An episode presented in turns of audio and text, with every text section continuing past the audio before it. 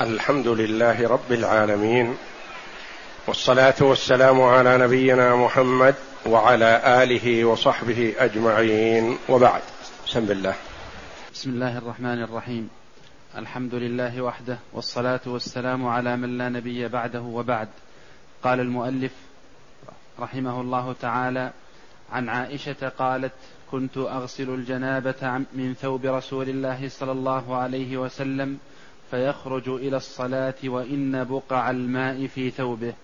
وفي لفظ مسلم لقد كنت أفركه من ثوب رسول الله صلى الله عليه وسلم فركا فيصلي فيه.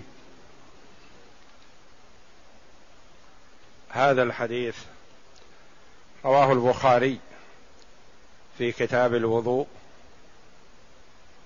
وفي غيره من الأبواب كما رواه مسلم كذلك في كتاب الطهارة ورواه الإمام أحمد وأبو داود والترمذي والنسائي وابن ماجه وابن خزيمة وابن حبان وابن الجارود والشافعي وأبو عوانة والبغوي وابن أبي شيبة. كل هؤلاء الأئمة خرجوا هذا الحديث. فعائشة رضي الله عنها تبين ما يجهل الناس من أحوال رسول الله صلى الله عليه وسلم داخل بيته. تقول كنت أغسل الجنابة. المراد بالجنابة يعني ما كان من أثر الجنابة وهو المني. من ثوب رسول الله صلى الله عليه وسلم فيخرج إلى الصلاة. وإن بقع الماء في ثوبه يعني لم تنشف. تتتبع نقط المني فتغسلها بالماء فيبقى في الثوب بقع الماء رطبا الثوب رطبا من أثر الغسل. فيخرج النبي صلى الله عليه وسلم فيصلي فيه. وفي لفظ لمسلم لم يرى يروي البخاري رحمه الله هذه الرواية. لقد كنت أفركه من ثوب رسول الله صلى الله عليه وسلم فركا فيصلي فيه. معلوم أن الفرك دلك بعضه ببعض أو حكه بظفر أو أصبع ونحو ذلك. وهذا للشيء اليابس. فعائشة رضي الله عنها تقول إذا كان رطبا غسلته. ولا تغسل الثوب كله وإنما تغسل نقط وبقع المني بالماء. وأما إذا كان المني يابسا في الثوب فإنها تفركه ويصلي فيه صلى الله عليه وسلم. فلعائشة رضي الله عنها في ثوب رسول الله صلى الله عليه وسلم وقد أصابه المني حالتان. حالة غسل إذا كان رطب وحالة فرك إذا كان يابسا.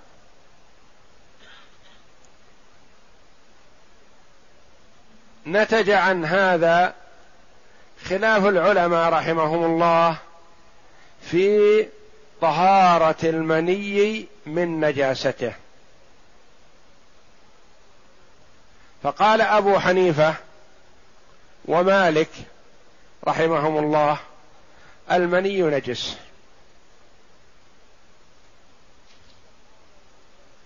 وقال الإمام الشافعي والإمام أحمد وجمع من العلماء وأهل الحديث المني طاهر. كيف اختلفوا رحمهم الله؟ وبعضهم تتلمذ على بعض. الإمام الشافعي تتلمذ على مالك. والإمام أحمد تتلمذ على الشافعي.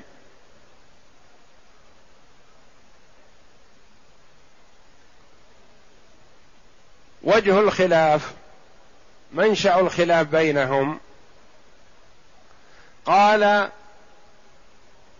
اللذان قالا بنجاسة المني. قالوا الدليل على ذلك غسل عائشة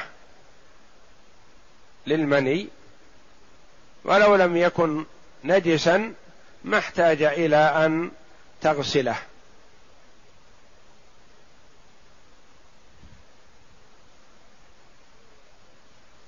نقول لهم ما قولكم في فركها إياه يابسا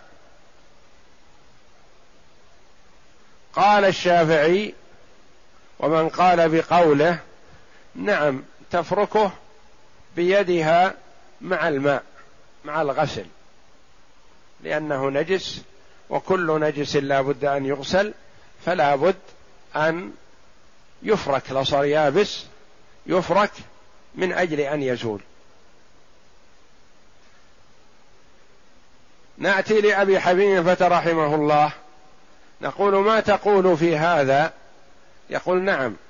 أقول المني نجس. وإذا كان رطبا فيغسل. وإذا كان يابسا فيفرك. ولا تقول بالغسل؟ قال لا ما أقول بالغسل. يكفي فيه الفرك. طيب كيف تقول بنجاسة يكفي فيها الفرك؟ لو أصاب الثوب دم ففركه. يكفي هذا؟ قال لا ما يكفي. إنما يكفي في المني فقط.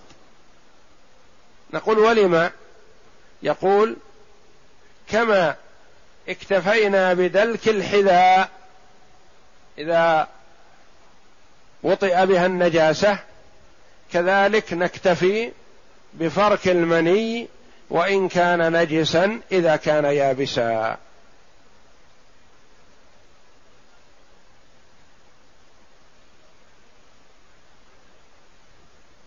عرفنا قول الإمامين رحمهم الله.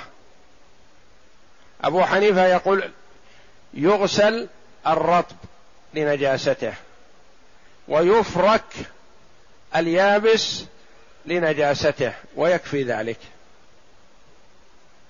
الإمام الشافعي يقول يغسل الرطب لنجاسته ويفرك اليابس بالماء لنجاسته.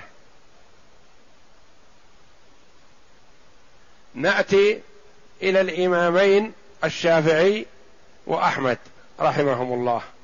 ومن قال بقولهم وهم جمع من أهل الحديث.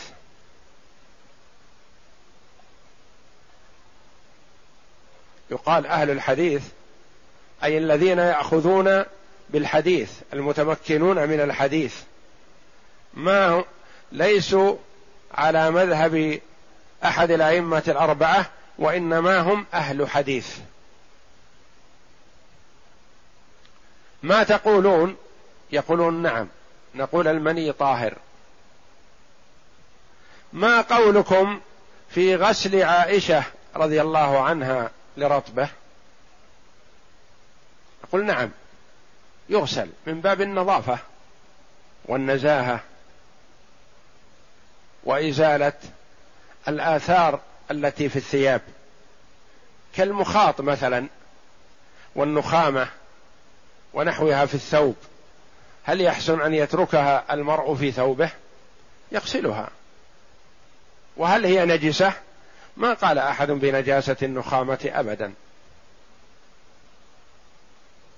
ولا المخاط الخارج من الأنف. وهو يغسل. والدليل على قولنا إنه طاهر كون عائشة رضي الله عنها تفركه يابسا فلو كان نجسا ما صح أن تفرك النجاسة وتزول.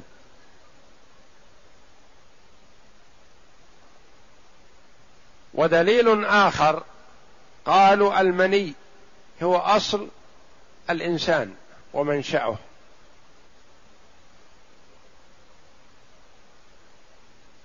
والمؤمن طاهر حيا وميتا كما هو معلوم. فلا يصلح. وقد كرم الله جل وعلا ابن آدم كما في قوله ولقد كرمنا بني آدم وحملناهم في البر والبحر أن يجعل الله أصله نجسا بل أصله طاهر. من تكريم الله جل وعلا له أن جعل أصله طاهر.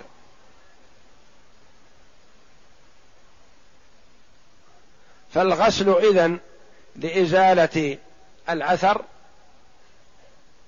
والفرك كذلك لإزالة أثره يابسا.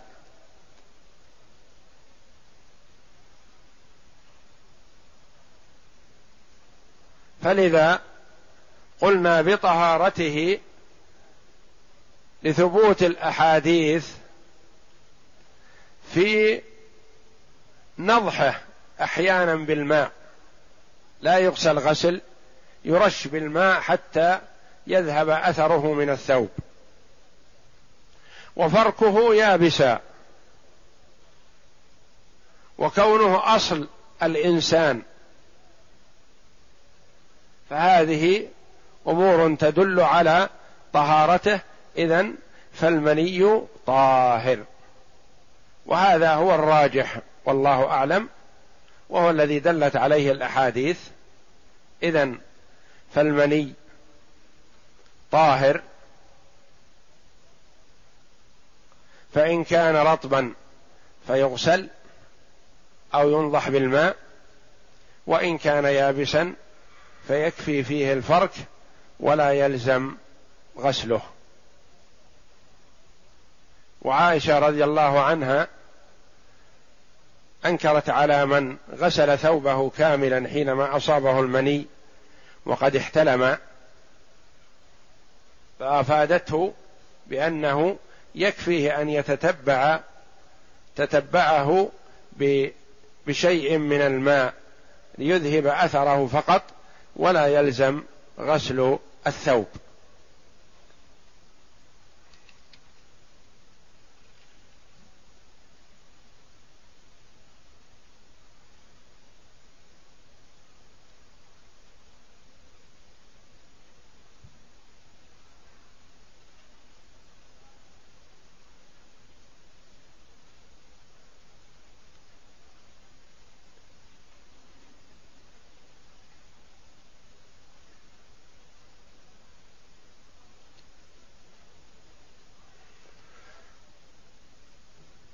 ولو كان المني نجس لبين ذلك النبي صلى الله عليه وسلم قولا واضحا جليا لأنه أبان صلى الله عليه وسلم نجاسة البول وأبان صلى الله عليه وسلم نجاسة المذي وسكت عن المني وأخبرت أمهات المؤمنين أنها تفركه من ثوبه فركا. فلو كان نجسا لنوه عن ذلك صلى الله عليه وسلم لتعلم الأمة ذلك. والغسل لكونه رطبا ليس بدليل النجاسة كما يغسل المخاط والنخامة ونحو ذلك ليزول أثرها وعينها من الثوب. والله أعلم. نعم. عن أبي هريرة رضي الله عنه أن رسول الله صلى الله عليه وسلم قال إذا جلس بين شعبها الأربع ثم جهدها وجب الغسل وفي لفظ لمسلم وإن لم ينزل هذا الحديث عن أبي هريرة رضي الله عنه رواه البخاري ورواه مسلم ورواه أبو داود والنسائي وابن ماجه والدارمي والدار قطني وابن حبان وابن الجارود وأبو عوانة والطحاوي والبيهقي والبغوي وابن أبي شيبة وعبد الرزاق. كل هؤلاء الأئمة خرجوا هذا الحديث. فيقول أبو هريرة رضي الله عنه عن النبي صلى الله عليه وسلم قال إذا جلس أي الرجل بين شعبها أي المرأة الأربع ثم جهدها فقد وجب الغسل. إذا جلس الرجل بين شعبها الأربع ثم جهدها فقد وجب الغسل وإن لم ينزل. كان في صدر الإسلام إذا جامع الرجل زوجته ولم ينزل فلا يغتسل. ودل على هذا قوله صلى الله عليه وسلم إنما الماء من الماء. يعني الاغتسال يجب على المرء إذا خرج منه الماء الذي هو المني. فإذا خرج المني وجب الاغتسال. وإذا لم يخرج مني فمعناه أنه لا يجب الاغتسال. هذا كان في صدر الإسلام. ثم قال صلى الله عليه وسلم إذا جلس بين شعبها الأربع ثم جهدها فقد وجب الغسل وفي لفظ لمسلم وإن لم ينزل. فهذا الحديث ناسخ للحديث السابق إنما الماء من الماء. قوله إذا جلس بين شعبها الأربع. الشعب قيل المراد بها اليدان والرجلان. وقيل الرجلان والفخذان. وقيل الفخذان وحافتي الفرج.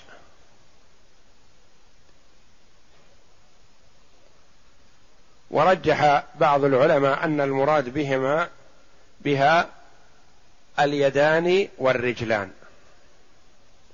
ثم جهدها الجهد القوة والدفع والثقل. وهذا كناية منه صلى الله عليه وسلم عن الإيلاج. يعني جهد نفسه وجهد زوجته في إيلاج ذكره في فرجها.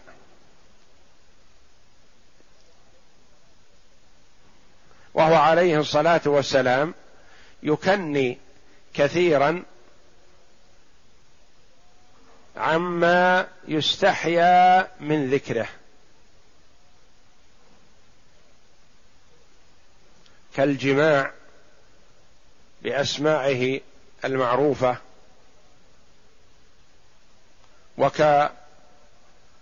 وكالكلام عن العذرة الغائط مثلا البول يفصح عنه في الأحاديث لكن الغائط يعبر عنه بتعبيرات تدل عليه وليست له بل هي تدل عليه لأن كلمة الغائط لا تطلق على الخبث الذي يخرج من الإنسان وإنما تطلق على المكان المنخفض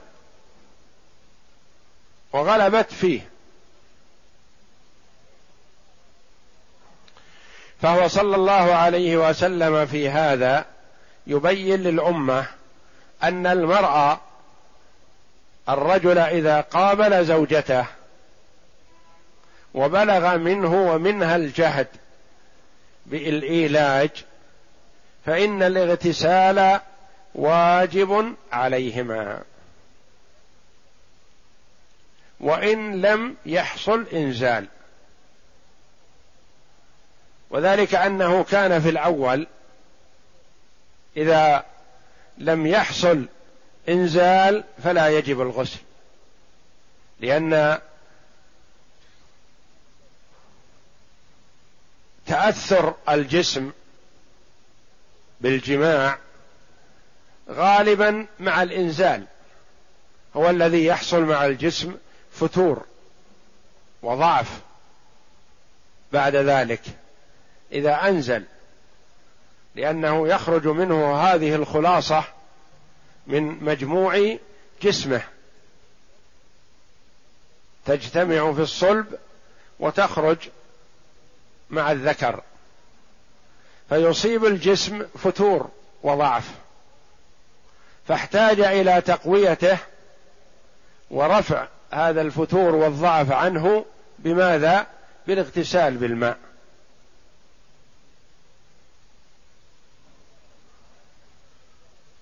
فإذا لم يحصل شيء من ذلك فلا يلزم الغسل. كان هذا في الأول. ثم إن الله نسخ ذلك على لسان رسوله صلى الله عليه وسلم ووجب الغسل بالإيلاج وإن لم ينزل. وفي هذا حكمة عظيمة لأن المرء قد يدرك الإنزال وقد لا يدركه وقد يكون كثيرا مدرك وقد يكون قليلا جدا لا يحس به الإنسان. فالله جل وعلا جعل الغسل وهذا الحكم الشرعي جعله على شيء ظاهر بين لا يخفى على أحد العالم والجاهل المدرك ومن كان عنده غباوة أو تغفيل في بعض الأمور أو لا يدرك ما يحصل من الإنزال إذا كان قليلا. فرتب الله جل وعلا على الإيلاج الاغتسال لأنه شيء واضح جلي بين. فقال صلى الله عليه وسلم إذا جلس بين شعبها الأربع والشعب جمع شعبة والشعبة الطرف. ثم جهدها يعني ك بمعنى شق عليها أو شق عليه كما قال الرسول عليه الصلاة والسلام حينما غطه جبريل عليه السلام عند بدء الوحي قال حتى بلغ مني الجهد يعني المشقة. ثم جهدها وجب الغسل لهذا العمل وفي لفظ لمسلم وإن لم ينزل يعني وإن لم يحصل إنزال المني. هذا الحديث فيه الدلالة على وجوب الاغتسال بمجرد الإيلاج والمراد بالإيلاج إيلاج الحشفة. الحشفة كاملا. فإذا دخلت الحشفة التي هي مكان الختان ما ظهر عليه أثر الختان من الذكر حينئذ وجب الغسل. وأما إذا كان مماسه فقط مس فلا يجب الغسل. وقوله صلى الله عليه وسلم إذا التقى الختانان فقد وجب الغسل. المراد التقيا ايلاجا. وليس المراد ملامسة فقط لأن مجرد مس الذكر لقبل المرأة لا يوجب غسلا إلا إذا ولج. فإذا ولج منه بقدر الحشفة ولجت منه الحشفة أو بقدرها لمن كان مقطوع الحشفة فإنه حينئذ يجب الاغتسال سواء بقي زمنا مدة في فرجها أو أولج علاجا سريعا ونزع وسواء أنزل أو لم أو لم ينزل كل هذه الحالات إذا حصل الايلاج وجب الاغتسال. والله أعلم. وصلى الله وسلم وبارك على عبده ورسول نبينا محمد وعلى آله وصحبه أجمعين.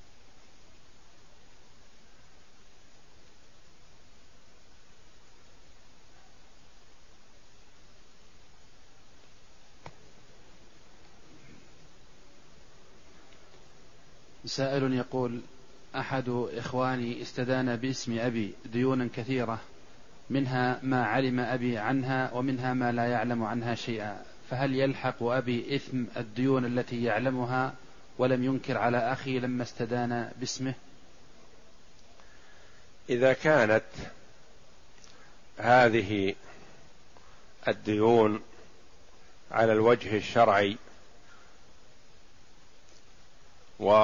والدائن يعلم أنها في ذمة هذا الولد وإنما وضع الاسم اسم الأب هكذا فلا شيء على الأب في ذلك. وأما إذا كانت هذه الديون على خلاف الوجه الشرعي ديون ربوية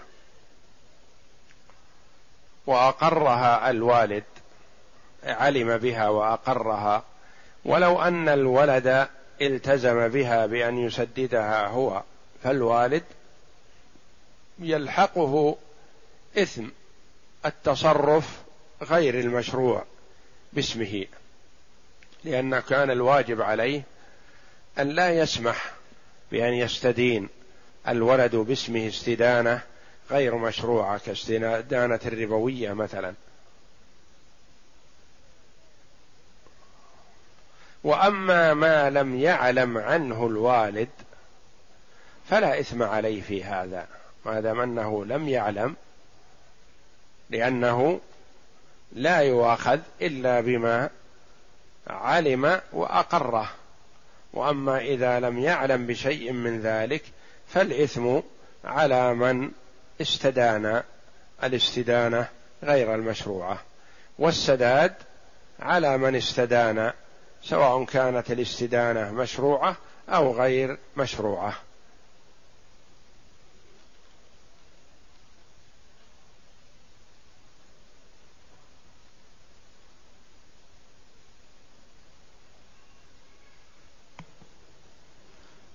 يقول بعض العلماء يرى أن المني نجس لأن أصله الدم فما رأيكم في ذلك؟ سبق أن سمعنا رأي الأئمة رحمهم الله فالإمام أبو حنيفة والإمام والإمام مالك قال بنجوز بنجاسة المني. و وقال الشافعي وأحمد وأهل الحديث وجمع من العلماء بنجاسته وبينا وجهة نظر كل فريق.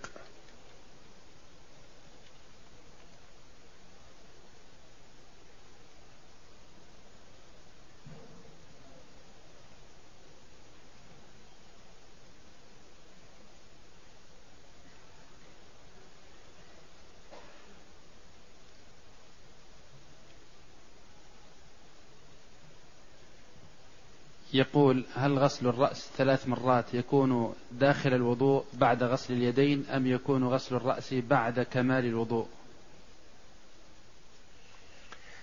إذا كان غسل الرأس من أجل الاغتسال فأولا نعلم أنه سواء كان غسل قبل أو بعد أو أول أو آخر فإن هذا كله جائز والحمد لله. لكن الأفضل الأفضل في صفة الاغتسال الكامل أن يتوضأ المرء وضوءه للصلاة بعد الاستنجاء وغسل ما لوثه. ثم يروي رأسه بالماء بأصابعه مبلولة الأصابع. ثم يحثو على رأسه الماء ثلاث حثيات. ثم يعمم جميع بدنه. هذا الأفضل. أن يكون اولا الوضوء بعد الاستنجاء. ثم غسل الرأس. ثم غسل عموم البدن. وإن كان المكان مبلط أو مقير أو نحو ذلك نظيف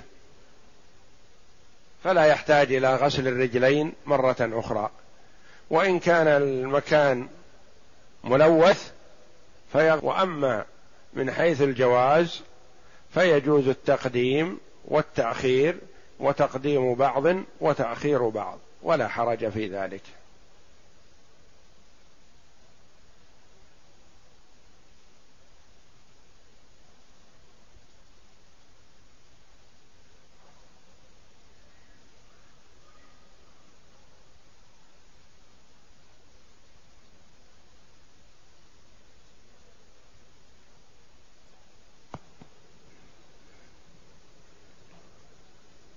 يقول أصلي في الجهة اليسرى من الصف الأول. وورد في الحديث أن الملائكة تصلي على على ميامن الصفوف فهل لي أجر؟ أولا الصلاة في الصف الأول فيها أجر. النبي صلى الله عليه وسلم حث الصحابة على التقدم فقال تقدموا فأتموا بي. وليأتم بكم من بعدكم. فإنه لا يزال قوم يتأخرون حتى يؤخرهم الله. وقال عليه الصلاة والسلام ألا تصفون كما تصف الملائكة عند ربها؟ قالوا وكيف تصف الملائكة عند ربها يا رسول الله؟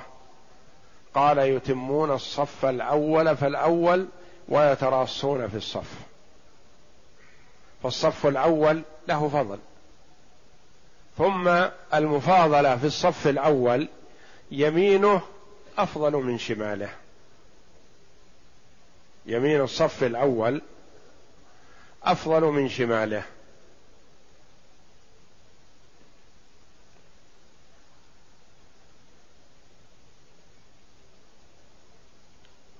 واليمين معروف هو الذي خلف الإمام مباشرة ما كان على يمينه. هذا يمين الصف الأول.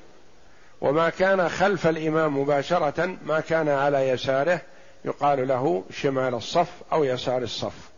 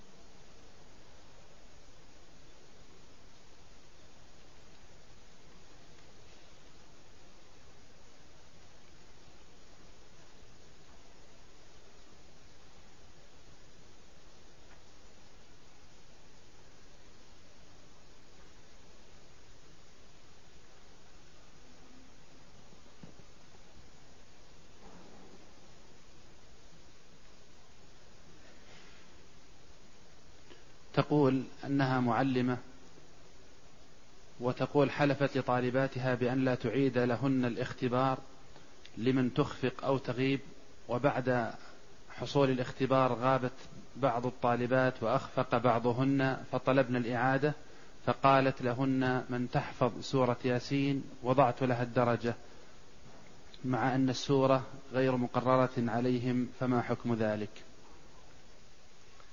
أولا يحسن أن الإنسان إذا حلف على يمين فرأى عدم الاستمرار في يمينه أفضل فيكفر عن يمينه ويأتي الأفضل. لقوله صلى الله عليه وسلم إني والله إن شاء الله ما حلفت على يمين فرأيت غيرها خيرا منها إلا أتيت الذي هو خير وتحللتها.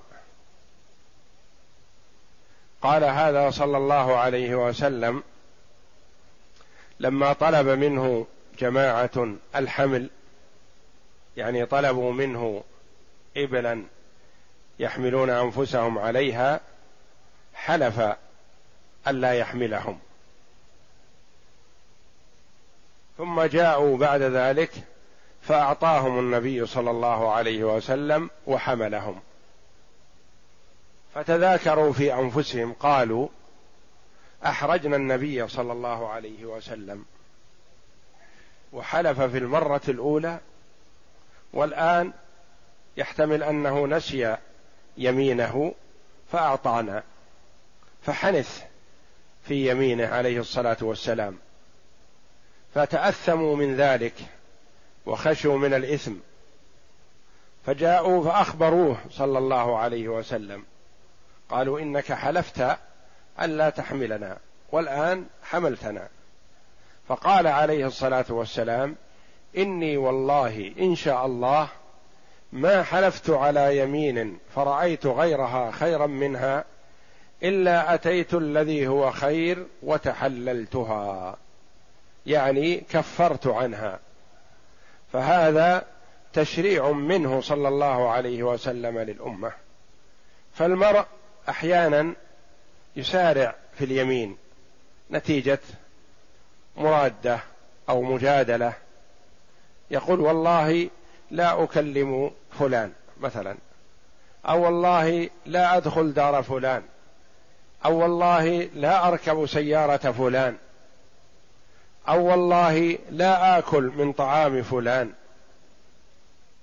ونحو ذلك من الأيمان التي يحلفها المرء. فنقول إن كان الاستمرار في اليمين خير فذلك أفضل. كمن حلف مثلا والله لا أسأل الناس شيئا. نقول أحسنت. لا تسأل أحدا شيئا استمر على يمينك. يمينك الاستمرار عليها أفضل. واحيانا يحلف الا يدخل دار أخيه أو دار أبيه أو دار ولده أو لا يأكل من طعام ولده أو نحو ذلك. نقول لا يا أخي. هذا الاستمرار في اليمين ليس بخير بل الأفضل أن تكفر عن يمينك وتأتي الذي هو خير.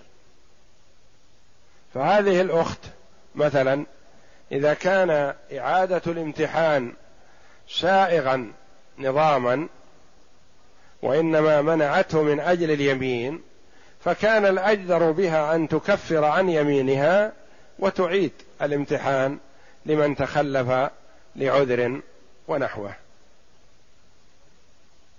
وأما إذا كانت إعادة الامتحان غير مسموح بها من قبل مسؤولي التعليم فالأفضل أن تستمر على يمينها ولا تعيد لأنه ربما يكون في الإعادة غش أو افتيات على من نظم شؤون التعليم والامتحانات.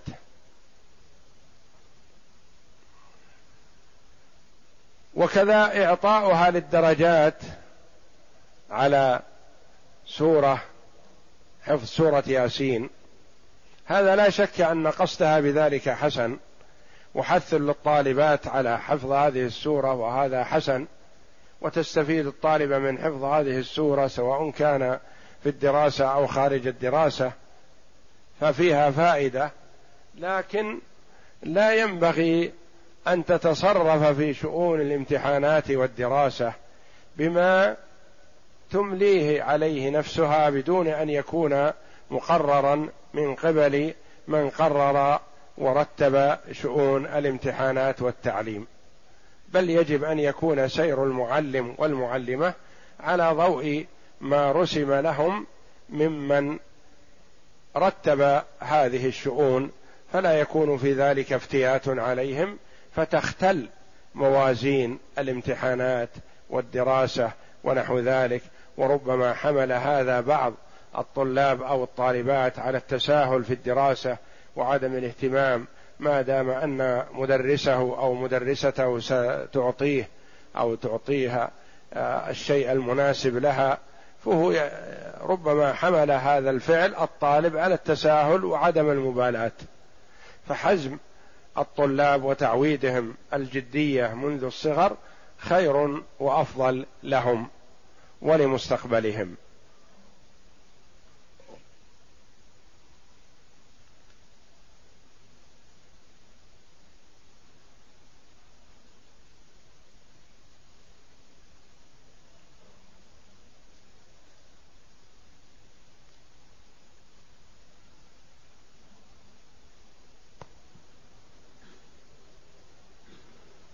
تقول أديت فريضة الحج وأثناء الطواف طفت فوق السطح ولكن أثناء التكبير أبعد عن حد الطواف حوالي عشرة أمتار وذلك لشدة الزحام فلم أكن أريد مزاحمة الرجال فلذلك أبعدت عند التكبير فما الحكم في ذلك؟ لا حرج في هذا إذا كان طوافها داخل المسجد. الطواف يلزم أن يكون داخل المسجد. وإبعادها عشرة أمتار لا يخرجها عن المسجد. وبشرط ألا تجعل الكعبة وراءها. يعني تكون الكعبة باستمرار على يسارها فطوافها صحيح.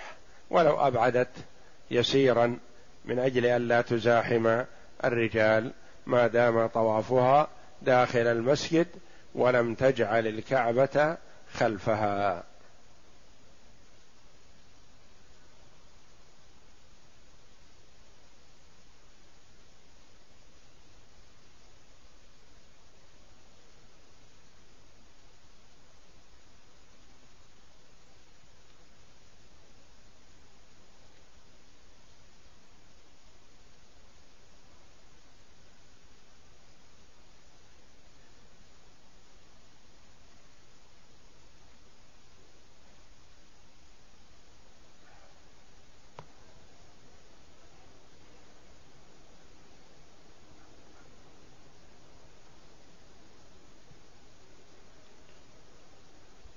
تقول ما حكم إحضار الدقاقات على الدفوف ولا يتخلل ولا يتخلله كلام فاحش لكنهم يطلبون مبلغ كبير يتراوح من ستة إلى ثمانية آلاف ويأتون من مكان بعيد حوالي تسع ساعات فهل يجوز لي أن أتعاقد معهم على ذلك؟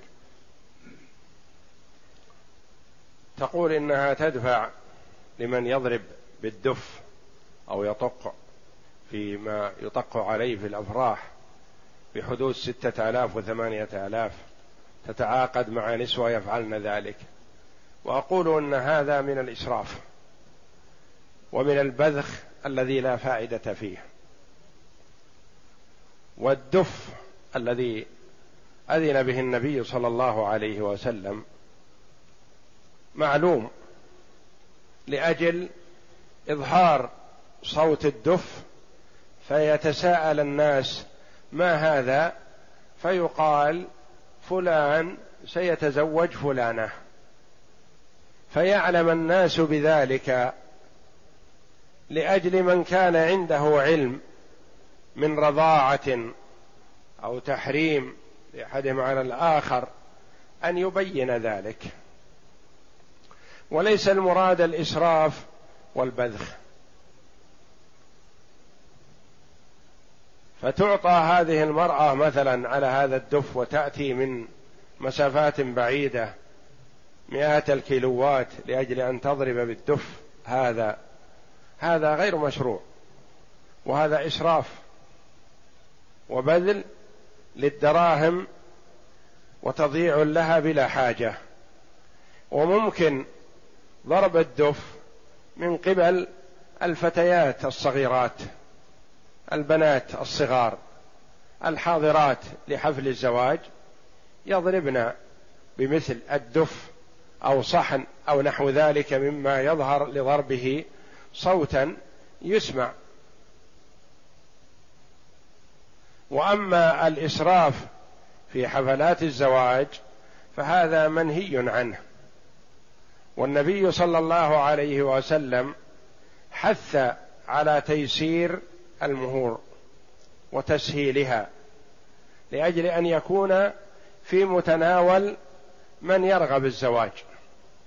كثير من الشباب يرغبون الزواج لكن لا يستطيعون الكلفة فيبقون بدون زواج أو يضطرون إلى السفر بعيدا فيأتون بزوجات يختلفن عن أهلهم وذويهم. فيحصل الخلاف والشقاق. وربما تكون من يحضرها غير محافظة فتدنس نفسها وتدنس فراش زوجها. لأنها نشأت نشأة غير سليمة.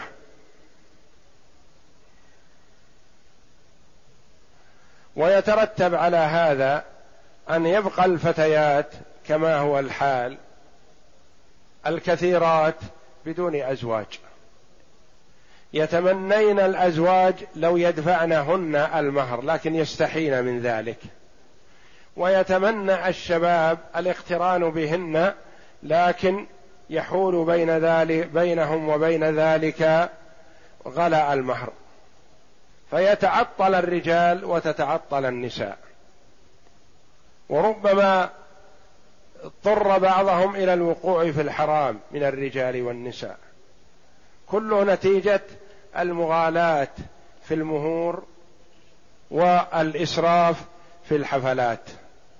حفلات المهور أحيانا تتجاوز مائه ألف ريال. متى يطيق الشاب هذا؟ متى يحصل عليه؟ لو استدان استمر مدينا مدى الحياة لا يهنأ بزواجه لما ترتب عليه من الدين بسبب زواجه. يتعطل الشباب بدون زواج وتتعطل الفتيات بدون زواج بسبب هذه المغالاة. فالواجب على الأولياء أن يتقوا الله في أنفسهم وفي مولياتهم. فيسهلوا أمر الزواج ليتقدم الشباب ويتزوجوا ولتتزوج الفتيات ولا تبقى عوانس في البيوت. وما دفع صلى الله عليه وسلم مهرا لواحدة من أمهات المؤمنين أكثر من خمسمائة درهم. وهي تعادل مائه وثلاثين ريال سعودي. خمسمائه درهم. مهر زوجاته. وكان مهر بناته لا يتجاوز أربعمائة درهم. فكان عليه الصلاة والسلام يدفع المهر أكثر مما يأخذ لبناته. وبناته صلى الله عليه وسلم أغلى من بنات الآخرين. لكن من كرمه صلى الله عليه وسلم وسماحته أنه يدفع أكثر سوى من دفع لها النجاشي المهر أم حبيبة رضي الله عنها بنت أبي سفيان دفع لها النجاشي وأكثر لأنه منه إكراما للنبي صلى الله عليه وسلم. وأما المهور التي كان يدفعها عليه الصلاة والسلام فما كان يدفع أكثر من خمسمائة درهم.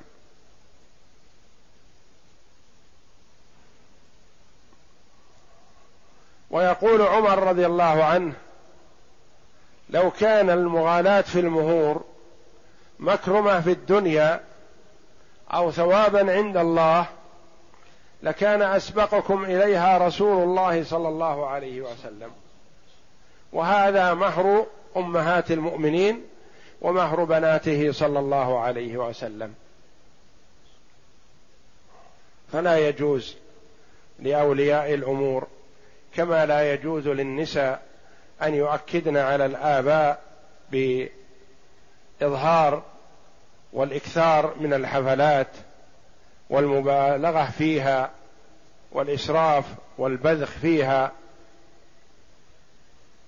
مباهاة للناس ومفاخرة فهذا لا يجوز.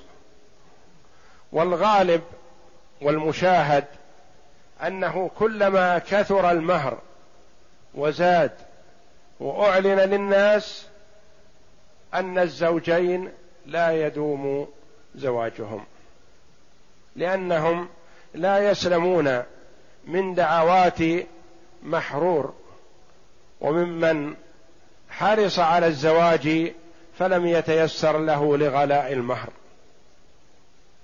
فيدعى عليهم بعدم التوفيق وكثيرا ما يبتلون بذلك.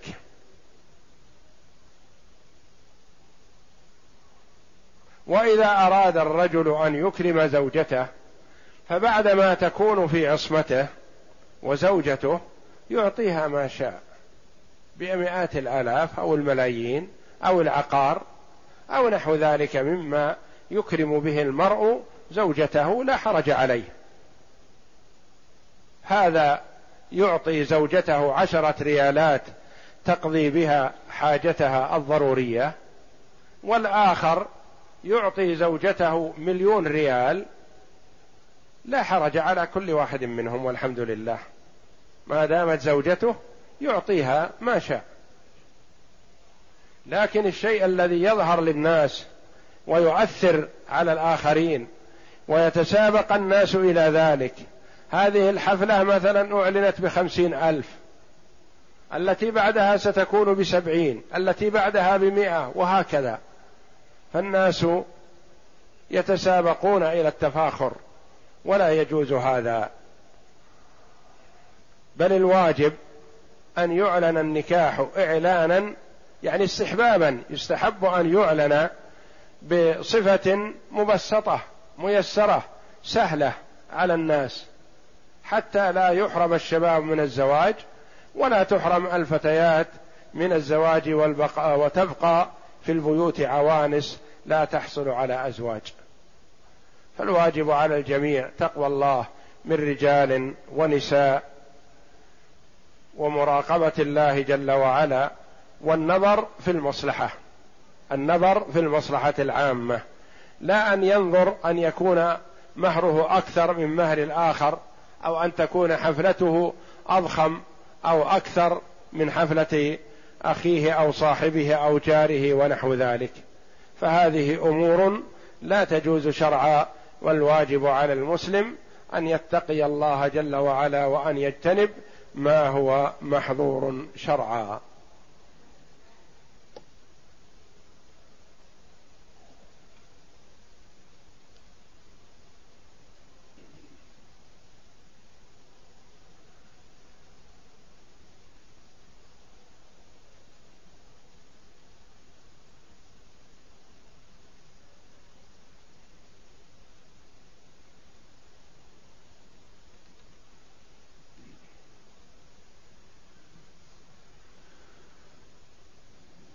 تقول قمت بقص شعري قصة قزع بدرجة كبيرة حتى أصبح كشعر الأولاد ولكن ذلك للاضطرار لأن شعري خشن جدا فأعاني منه فهل علي إثم؟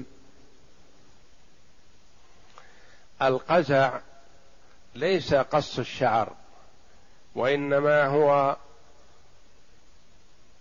حلق بعضه وترك بعض هذا هو القزع. وأما قص الشعر فلا يخلو. إن كان مشابهة للكافرات فلا يجوز. لأن النبي صلى الله عليه وسلم منع المسلمين من التشبه بالكفار. وإن كان مشابهة للأولاد وترجل من الفتاة فلا يجوز. لأن النبي صلى الله عليه وسلم لعن المتشبهات من النساء بالرجال. فقد لعن المترجلات اللاتي يتشبهن بالرجال. وإن كان لعذر لسبب من الأسباب المبررة ولم يخطر على بال المرأة التشبه بالكافرات ولا التشبه بالأولاد فلا حرج عليها في ذلك. لأن أمهات المؤمنين رضي الله عنهن بعدما توفي النبي صلى الله عليه وسلم قصصن شعورهن طلبا لخفة المؤونة لأنهن يحتجن إليه في حياة النبي صلى الله عليه وسلم تجملا بين يديه عليه الصلاة والسلام والشعر جمال للمرأة. فلما توفي صلى الله عليه وسلم وأصبحنا لسنا في حاجة إلى هذا قصصنا شعورهن. قصة لا تشابه قصة الكافرات ولا تشابه رؤوس الأولاد. ابتعدنا عن التشبه فالقص من حيث هو لا بأس به إذا كان له مبرر شرعي. فإذا كان ما ذكرت هذه السائلة أنه مبرر أنها تتعب بخشونة شعرها وقصته قصة خفيفة فلا بأس بذلك وخاصة إذا لم تكن ذات زوج أو قد رضي زوجها بذلك.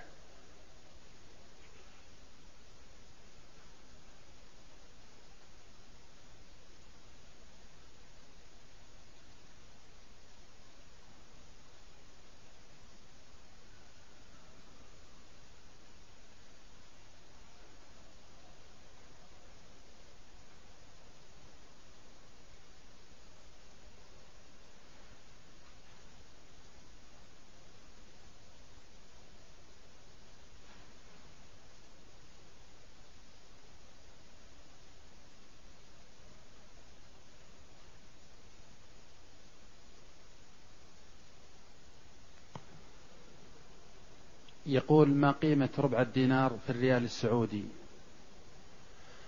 ربع الدينار بالجنيه السعودي سبع. لأن الجنيه السعودي الدينار أربعة أسباع الجنيه السعودي. أربعة أسباع يعني أكثر من النصف بقليل. وربع الدينار سبع.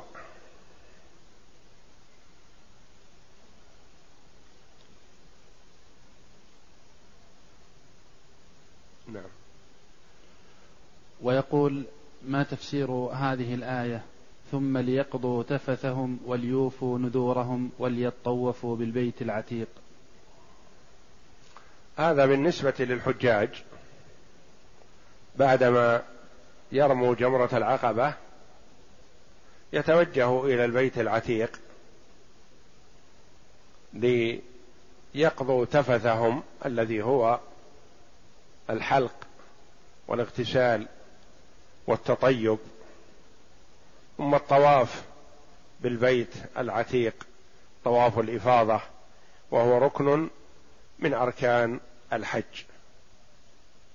يعني بعد رميهم جمرة العقبة حل لهم التحلل الأول الذي هو الطيب وحلق الشعر ونحو ذلك وتقليم الأظافر ونحو ذلك مما يحتاج إليه المرء في إزالة ما علق على جسمه مما جرت العادة بإزالته تنظفا وتطيبا.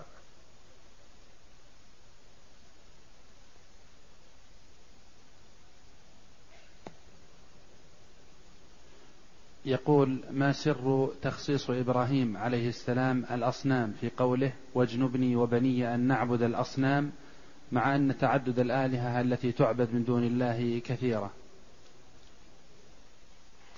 السر والله أعلم أن الأصنام كانت هي المعبودة في زمن إبراهيم عليه السلام كما تقدم لنا قريبا أن بها اثنان وستون صنما بيت الآلهة مجموع به اثنان وستون صنما متفاوتة منها ما هو ذهب ومنها ما هو فضة ومنها ما هو حجر ومنها ما هو خشب ومنها ما هو نحاس وغير ذلك من الأصنام.